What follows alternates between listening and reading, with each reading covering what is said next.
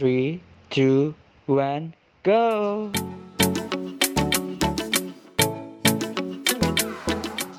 Eh, selama ini nggak nggak ada yang sampai berubah mendadak nggak ada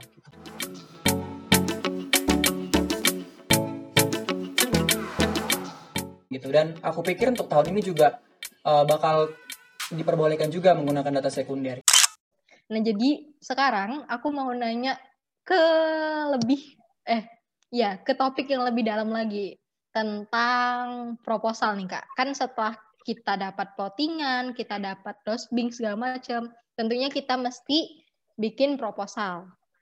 Nah, kira-kira bikin proposal itu gimana sih, Kak gitu? Apakah pusing juga? Apakah sebenarnya nggak sepusing itu? Apa gimana gitu? nggak nggak sepusing yang kalian bayangkan karena proposal itu ya cuman ini kalau boleh jujur ya proposal itu sebenarnya formalitas sih sebenarnya.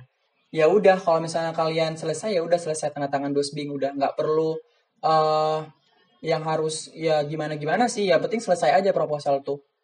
Nah untuk proposal ini memang eh dari lembaga memang nggak ada apa ya nggak ada aturan yang fix ya. Setahu aku tuh nggak ada yang fix ketentuan-ketentuannya detailnya nggak ada fix nah ini teman-teman bisa uh, dari tiramisu nanti bisa membuat apa ya membuat template atau membuat pedoman untuk teman-teman biar nggak ada uh, mis apa ya mispersepsi atau apa berbagai macam bentuk proposal. Karena tahunku sendiri memang kami udah buat udah buat template tapi masih aja ada yang nggak sesuai dengan template itu ada yang uh, mengikuti template dari jurusan lain ya kan? Nah, kayak yang aku bilang tadi, ikuti aturan yang ada. Dalam hal ini kalau kalian akuntansi, ikutin tiramisu gitu. Supaya serentak sama semuanya format proposalnya. Nah, itu sih menurutku uh, yang perlu teman-teman perhatikan kayak gitu. Terus Kak, kenapa sih uh, proposal ini dibilang formalitas tadi gitu? Soalnya takutnya nih ntar ada yang mikir kayak oh ya udah proposal kan nggak penting, jadi ya sekedarnya aja gitu. Uh, sebenarnya yang perlu teman-teman pahami proposal ini sebenarnya tujuannya apa ya? Tujuannya itu sebenarnya ya untuk apa ya formalitas sih sebenarnya memang hanya diserahkan ke lembaga kalau lembaga udah setuju ya udah ACC gitu kan lagi, apalagi uh, proposal ini kan beda sama kampus lain ya yang harus ada sidang proposal ya harus di, harus yeah. dipresentasikan kan kalau di stand kan nggak perlu dipresentasikan gitu. Jadi kalau teman-teman buat selesai ya udah gitu. Dan uh, ketika teman-teman nantinya ada perubahan secara substansi dalam KTTA-nya, apakah perlu buat proposal baru? Nah, uh, sebenarnya nggak perlu ya teman-teman, karena dari lembaga pun nantinya nggak minta lagi proposal kalian yang baru gitu. Tapi kalau misalnya kalian itu nantinya butuh data dari objek, biasanya kan objek itu minta proposal ya.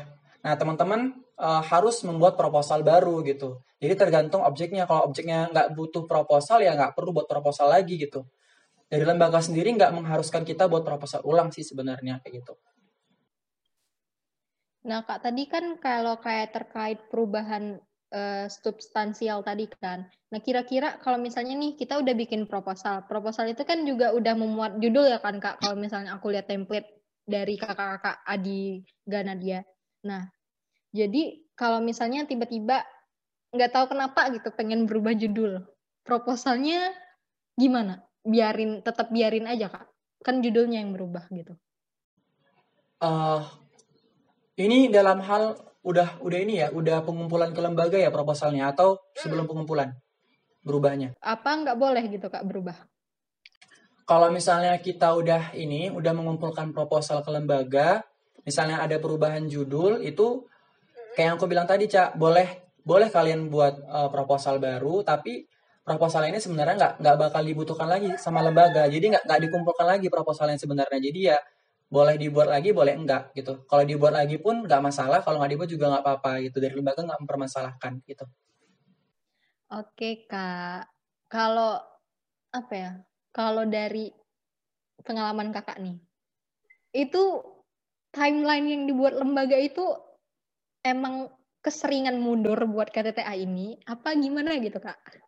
Karena kan seharusnya kalau kalau dari timeline yang dibuat lembaga ya di Kaldiknya Hmm. itu seharusnya kami dapat plottingan itu minggu lalu paling lambat. Sedangkan sampai hari ini sampai hari Kamis belum ada callingan dari lembaga yang ngasih plottingan. Halo, maaf Bapak lembaga, maaf banget ya.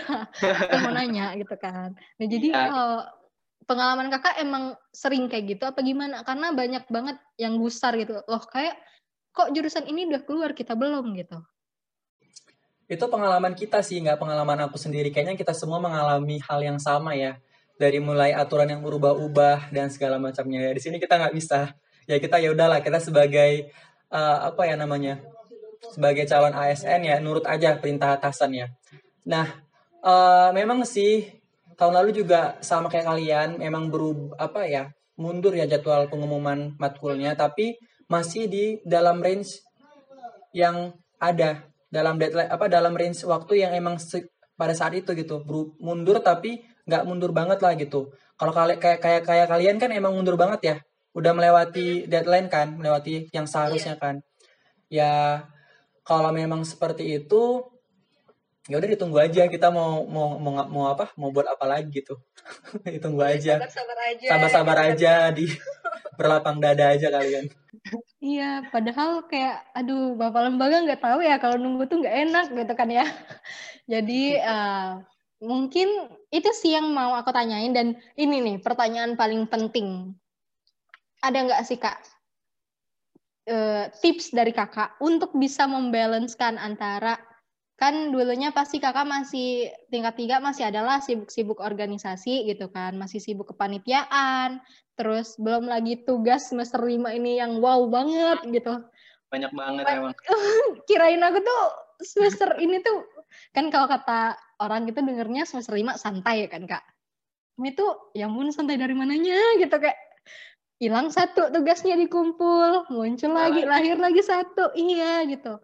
Terus belum lagi ngurusin masalah KTTA nanti. Nah kalau dari kakak sendiri, cara kita buat menyeimbangkan itu semua biar nggak ada yang keteteran gitu. Gimana kak? Oke, Cak. Eh, kalau dari aku sih sebenarnya ya pengalamanku sendiri, apalagi eh, udah pernah ngerasain PJJ juga, memang banyak banget ya tugas gitu. Matkulnya emang nggak banyak, sedikit, apalagi semester 6, cuman 4 matkul, tapi tugasnya Masya Allah banyak banget. Nah, sebenarnya Cak, kalau dari pengalamanku kemarin, itu kalian masih bisa kok mengerjakan tugas itu, eh, apa namanya, secara apa ya bertahap gitu. Nggak nggak nggak menurutku nggak nggak sehektik yang sebenarnya gitu. Ya bisa aja kalau kalian itu dicicil dari apa dicicil dari jauh-jauh hari tugasnya. Jangan mepet-mepet. Nah kalau mepet-mepet kan ya yang ini belum selesai yang dari dosen lain udah udah ngasih lagi belum selesai lagi udah ngasih lagi. Itu kan jadi kayak menumpuk kan. Jadi kesannya memang banyak banget gitu. Sebenarnya ya one day one task gitu sebenarnya bisa kan. Satu hari satu tugas dikerjakan gitu. Kalau ya memang sih kita emang cenderung deadlineer ya. Tapi ya lagi-lagi kalau bisa dicicil lah tugasnya gitu. Untuk eh, mengerjakan KTTA sebenarnya apa ya nggak nggak butuh waktu yang lama banget. Kalau misalnya kalian udah punya konsep ya kayak kalian udah punya gambaran yang kayak aku bilang tadi udah punya kerangka sebenarnya udah gampang banget kalian tinggal mengerjakan aja gitu kalau udah punya konsepnya. Oke kak, kayaknya kita perlu berdoa biar kesambet jinnya mau di Ayunda gitu kan, udah pinter rajin gitu kan, jadi iya jadinya belajar gitu kan. Nah ya udah sih kak, kayaknya eh, itu aja yang pengen aku tanyain. Tadi udah bahas tentang ya basa-basi di awal, apa rutinitas kakak setelah wisuda, ternyata ya kayaknya asik gitu kan setelah lulus dari stan. Gak tahu deh asik apa enggak. Tapi semoga kita doain, semoga penempatan kakak sesuai dengan yang kakak inginkan gitu kan. amin Pasti lagi deg-degan ya kak? deg-degan banget nih tadi baru dapat info ada pengumuman juga kan dari apa dari biro SDM mengenai penempatan gitu dan deg-degan banget Jangan-jangan itu yang itu yang muncul di stand manifest tadi ya kak? Jangan-jangan nih. aku belum buka stand manifest ya kayaknya stand ini kalau ada isu-isu langsung ke stand manifest ya larinya ya Bener kak, kayak dapet aja gitu spilan apa ya kalau kata orang itu jarinya anak stan itu cepet banget. Tinggal forward forward aja tuh.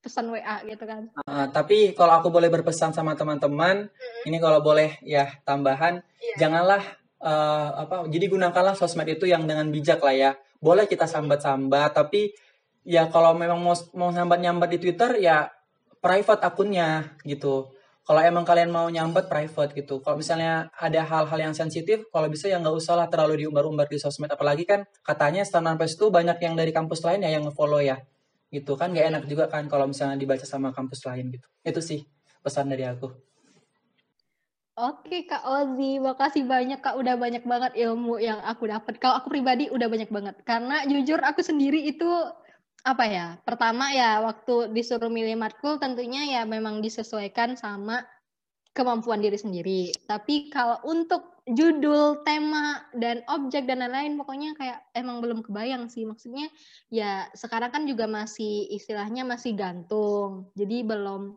belum benar-benar kebayang mau ngapain setelah ini gitu. Tapi setelah dapat pencerahan dari kakak tadi emang benar-benar spektakuler banget cutting kita yang satu ini guys.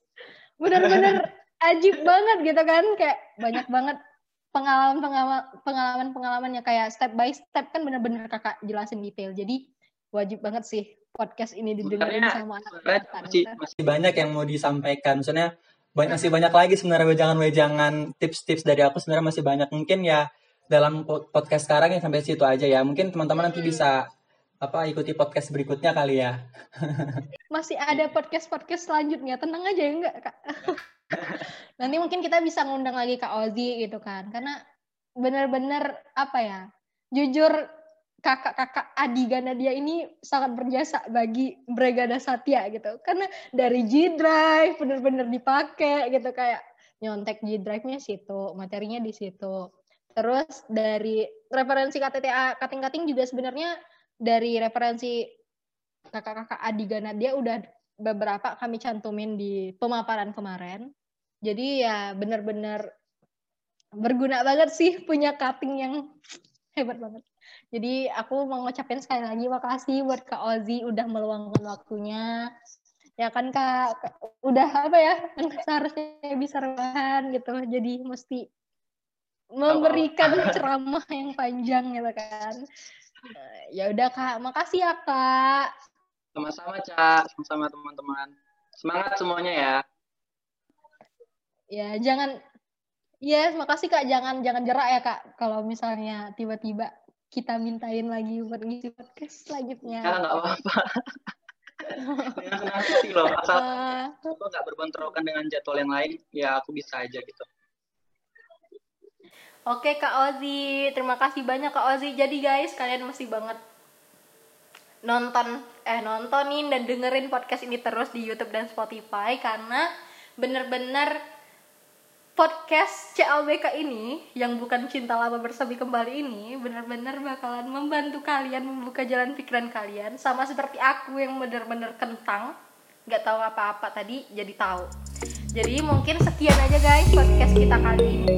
Sampai jumpa di podcast selanjutnya. Terima kasih